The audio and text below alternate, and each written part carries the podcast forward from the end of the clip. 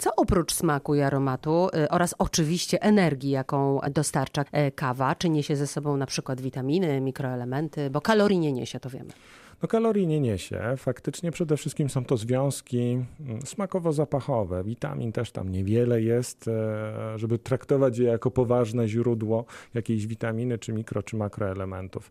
Taki sam napar kawowy, tak jak pani redaktor wspomniała, ma 0 kilokalorii, więc warto to zapamiętać. Bez mleka oczywiście. Bez mleka oczywiście, bo czasami są jakieś najróżniejsze, bez cukru. Mhm. No niektórzy też traktują i myślą sobie, że ta posłodzona na przykład cukrem trzcinowym będzie lepsza, prawda? Mm. I też będzie miała mniej kalorii. No oczywiście e, wyprowadzam z błędu, że, e, że tak nie jest. Tylko ta czarna ma zero kalorii. No to czym nas e, uwodzi? Tylko i wyłącznie smakiem i aromatem? No przede wszystkim, chyba ze względu na to pijemy kawę, no ale jest też troszkę takich korzyści, które, które z picia kawy wynikają. Zresztą kawosze zawsze próbują znaleźć te plusy, prawda? No ja to, znajduję, żeby... na przykład poprawia koncentrację. No, twierdzę. Nie u wszystkich, ale różnie u osób, które nadużywają tej kawy, no to różnie z tym bywa.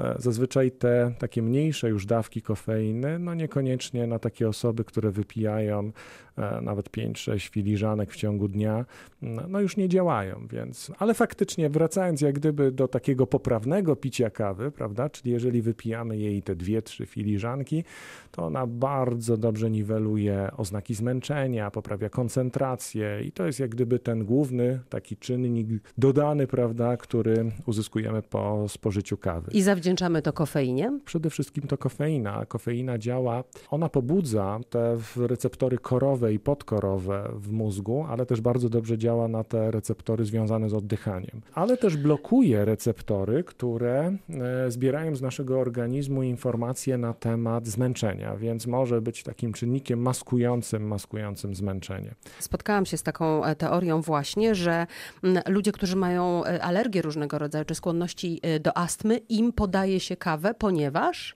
Poprawia oddychanie. Mhm. Poprawia oddychanie. Rozszerza tak. naczynia krwionośne? Nie, ona działa na ten ośrodek, który odpowiada za oddychanie. My nad nim nie jesteśmy w stanie zapanować, bo to jest odruch bezwarunkowy.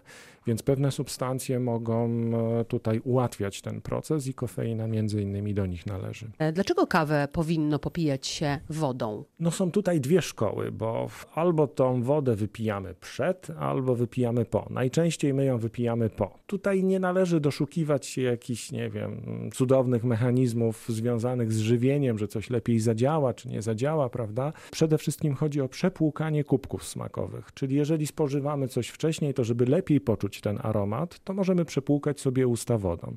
Tak przed robią, wypiciem kawy. Przed wypiciem kawy. Jeżeli komuś bardzo mocno zależy na tym intensywnym aromacie, a znam takie osoby, które kupują specyficzne, bardzo wysublimowane rodzaje kaw, e, które są w bardzo dziwny sposób często parzone. E, mam też znajomego, który po prostu za każdym razem, jak gdzieś się wybieramy, to mówi, że nie ta kawiarnia, tylko ta, ze względu właśnie na kawę. Ja tego nie rozumiem, bo ja muszę się przyznać, że nie do końca jestem referencyjny, bo ja kawy nie pijam. Mm. Więc, Czyli ale... tylko teoretycznie pan zna ten tak, aromat tak, i smak. Tak. Ale wracając jeszcze do, do tego popijania po, tutaj faktycznie też chodzi o przepłukanie kubków smakowych, jeżeli mamy w zanadrzu jeszcze jakieś potrawy. Jeżeli chcemy poczuć na przykład, nie wiem, ciasto, które e, będziemy spożywali za chwilę i, i, ten aromat też dla nas jest cenny, to lepiej sobie przepłukać usta. Jeszcze przy tej kofeinie na chwilę chciałabym się zatrzymać, bo czytałam takie rozbieżne e, badania. E, z jednej strony, że kofeina jest zła na nadciśnienie, no bo to ciśnienie może podnosić, a z drugiej strony, że pomaga na serce. O co tutaj chodzi? No, no jedno i drugie jest słuszne. Wszystko zależy od tego, ile tak naprawdę tej kawy wypijamy, bo Mm, jeżeli pijemy za dużo kawy, za dużo to już 3, ponad 3 filiżanki dziennie, taka dzienna dopuszczalna, mm, bezpieczna dawka kofeiny to jest około 300 mg. Jeżeli już spożywamy powyżej 400 mg, no to mogą zaczynać się problemy z taką nadpobudliwością, arytmią. Nawet osoby, które mają nadciśnienie, wypiją jedną, dwie filiżanki dziennie w tych odstępach co najmniej 5-6 godzinnych, to nic im z tego tytułu nie grozi. Problem zaczyna się z nadciśnieniem wtedy, kiedy nadużywamy, czyli wypijamy zbyt duże ilości tej kawy. Natomiast jeżeli chodzi o te pozytywne, czy pozytywny wpływ kawy na serce, to między innymi jest powiązany z zawartością związków przeciwutleniających, które występują w kawie. No, należy pamiętać, to jest też taki bardzo dobry argument dla kawoszy, którzy zawsze próbują się bronić przed tym. Znaczy jak... ja tu żadnego pola do obrony nie widzę, po prostu jest świetna i już. No prawda. Podam jeden taki zasadniczy argument, że jedna filiżanka kawy zawiera więcej związków przeciwutleniających niż szklanka soku pomarańczowego niż gre, czy grejpfrutowego. Więc na pewno... Kawa zdrowsza e, od soku grejpfrutowego no, czy pomarańczowego? Wiem, że zabrzmi to kontrowersyjnie, ale a, i będzie dlatego zaznaczyłem, że to na pewno będzie argument wykorzystywany przez kawoszy, ale wracając do tych związków przeciwutleniających, to one uelastyczniają naczynia krwionośne, szczególnie te naczynia włosowate, co powoduje, że więcej składników odżywczych dociera między innymi do mięśnia sercowego, odżywia go i on wtedy dużo lepiej funkcjonuje. A czy te wszystkie dodatki typu e, mleka, no teraz różne mleka, bo i sojowe, i ryżowe dodaje się, nie tylko to krowie, e, czy one powodują, że zawartość tej kofeiny gdzieś się rozcieńcza, czy ona pozostaje taka sama i zmienia się nam tylko smak kawy? No oczywiście, jeżeli do samej kawy dolejemy jakiś inny płyn, no to zwiększa się objętość, w tym mleku nie mamy kofeiny, więc wtedy zawartość kofeiny ogólnie w takim napoju spada. Więc takich kaw można wypić więcej.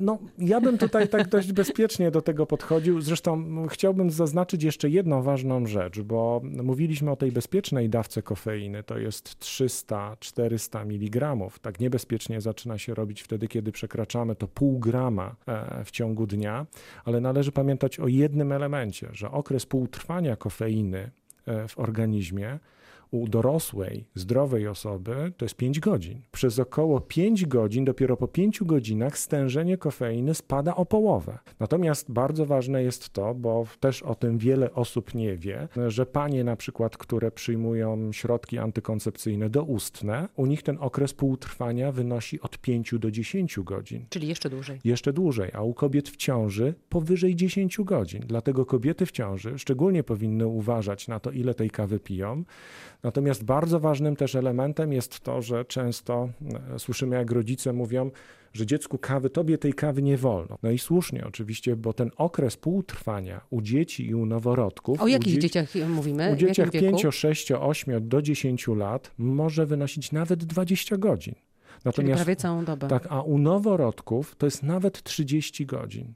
Więc to jest niezwykle ważna rzecz, żeby mieć gdzieś z tyłu głowy, że nie możemy pić kawy za kawą, bo nasz organizm tak szybko tej kofeiny z naszego organizmu nie usuwa. Mówił Pan o kobietach w ciąży i o dzieciach, ale to też ważne dla kobiet karmiących dzieci piersią. Tak, tak. E, jeszcze o jedną rzecz chciałam zapytać, bo jest takie badanie, e, które mówi, że dodatek masła do kawy, ja nie spróbuję e, tego eksperymentu, bo jakoś nie potrafię sobie tego wyobrazić, ale że dodatek masła do kawy zwiększa to energię energetyczne e, działanie. Co tutaj działa? No Pani Kasiu, no na początek, mimo że kawy nie piję, ale to chyba będzie paskudne. Będzie paskudne, Będzie tak paskudne, sądzę. więc, e, ale mam wytłumaczyć, tak? Jak mimo, najbardziej. że będzie paskudne, mam wytłumaczyć. Znaczy wytłumaczmy, na czym polega ten fenomen. Masło i kawa. U osób faktycznie, które przechodzą na dietę taką typowo wysokotłuszczową, organizm i nie ma w niej węglowodanów, organizm przestawia się na czerpanie energii z kwasów tłuszczowych. Zresztą to są dwa takie też elementy regulowania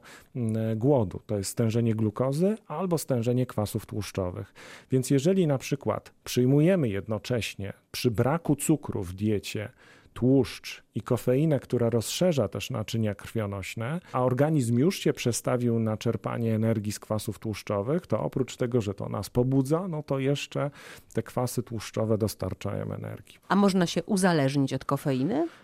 No jak najbardziej. Kofeina jest substancją uzależniającą. Jeżeli ktoś pije duże ilości kawy i przyjmuje duże ilości kofeiny i nagle to graniczy, no to obserwuje u siebie poddenerwowanie, brak koncentracji. No, na pocieszenie mogę powiedzieć, że jak gdyby możliwości uzależniania się w przypadku wypijania kawy są dużo niższe niż przyjmowania samej czystej kofeiny. Tam, gdzie ona na przykład została dodana do słodyczy. A można aż tak przesadzić, że to y, zacznie faktycznie zagrażać życiu? Faktycznie kofeina może nas zabić. Taka śmiertelna dawka, która jest podawana w przypadku kofeiny, to jest 10 gramów. Ile kaw trzeba byłoby wypić? Dużo. Musielibyśmy wypić około 100 kaw. Na szczęście niewykonalne. E, No niewykonalne. Na kawę pana nie zaproszę? Tylko prosiłbym o nie podawanie mi tej kawy z masła. Z masłem. To zapraszam na taką z mlekiem. Dziękuję bardzo. Dziękuję. Skorzystam.